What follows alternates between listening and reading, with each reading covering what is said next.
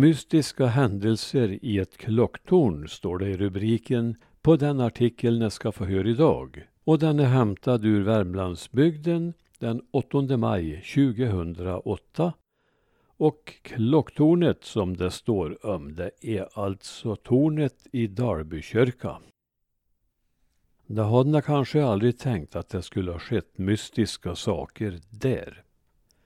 Men i somras dristade jag mig upp i kyrktornet i Dalby. Bara halvvägs upp i tornet till de stora luckorna vid klockorna, men ändå.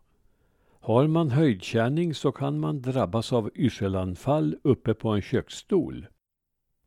Med mig hade jag kyrkväktare Edgar Amen som en säkerhet om jag skulle tuppa av uppe i tornet. En anledning till detta infall var att jag ville fotografera församlingshemmet som just skulle rivas.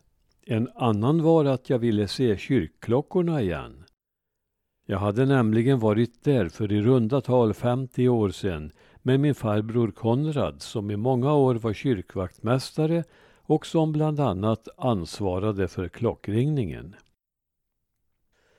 Den sista trappan var onödigt brant men jag klarade den och undrade samtidigt hur de kan vara beskaffade som kan fortsätta ända högst upp i tornet, ungefär ett lika långt stycke till. För att inte tala om de som lagt skiffertak på det 60 meter höga tornet.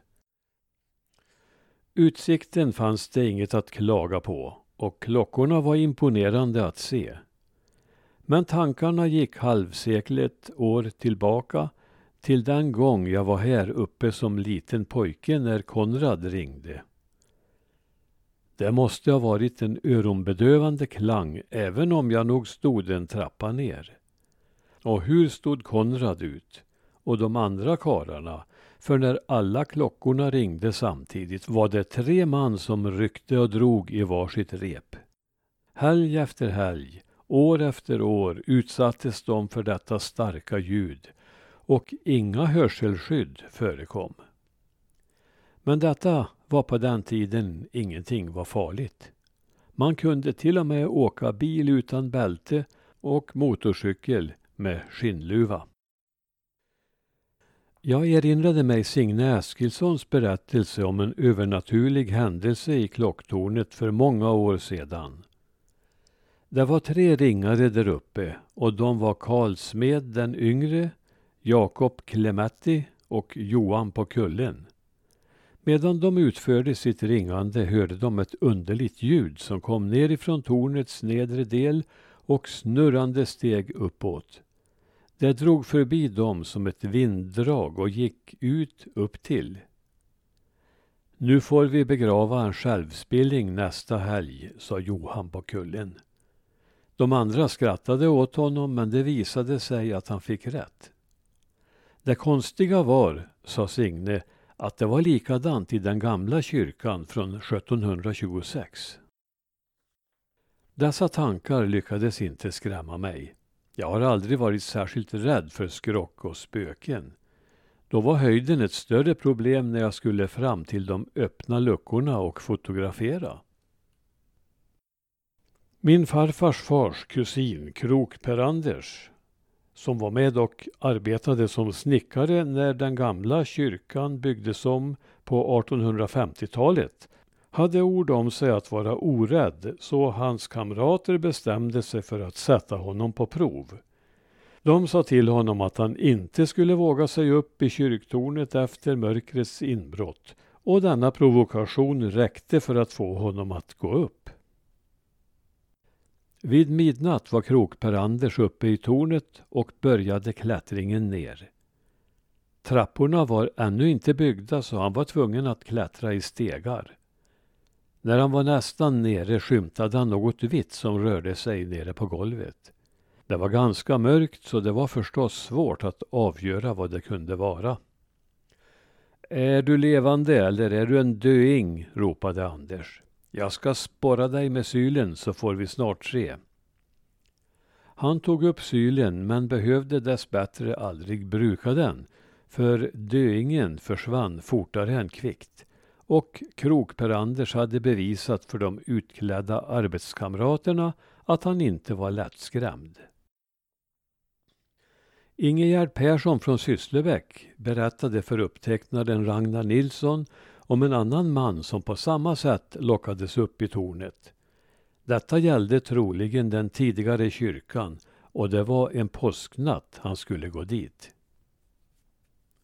Jag läser från Ragnar Nilssons handskrivna blad. Han gick, men när han kom dit så var det fullt med käringar där. Så var det två käringar som han kändes vid. De var så onda på honom.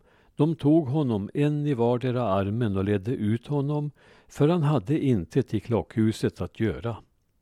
Men först så tog de honom och höll honom utanför luckan i kyrktornet och sade att om du nu inte lovar att hålla tyst om oss så häver vi ut dig här.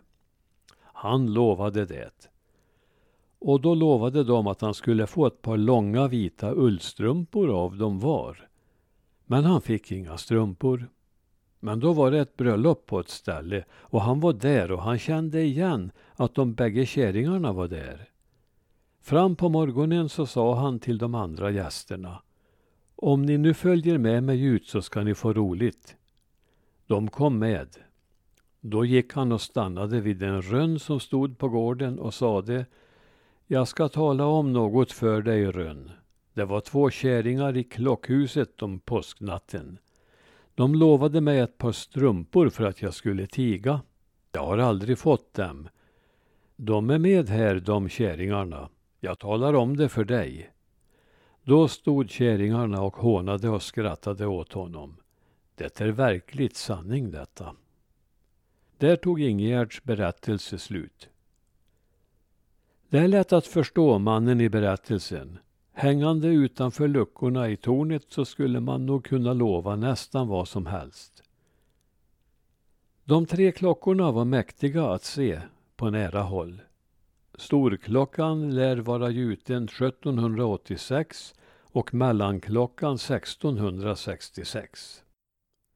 Den äldsta och minsta av klockorna är den så kallade munkklockan som fyllde sin funktion i den medeltida kyrkan i Stommen i Sysslebäck. Den fördes sedan till den tidigaste kyrkan i Långav, den från 1726. Enligt sägnen fanns det en klocka till i medeltidskyrkan och den andra som var större fördes bort enligt Gustav Vasas beslut 1531 att den kyrka som hade två klockor skulle lämna den större som skatt. När man körde klockan över Vingängsjöns is gled den av släden och gick genom isen. Sägnen förtäljer vidare att draken har henne i sitt våld där och att ingen därför ska kunna bärga henne. De ska ha sett henne men icke kunna ta henne upp, skriver forskaren Lars Bäckvall. Efter den händelsen sjunger den lilla klockan som idag alltså finns i Dalby kyrka Mi syster ligg i Vingesjö. De tre klockorna klingar vackert tillsammans och vid begravningar påstås de sjunga Här kommer den sövande, här kommer den sövande. Och när det är bröllop anlägger de en mer skälmsk ton och sjunger Ta dig annane, ta dig annane.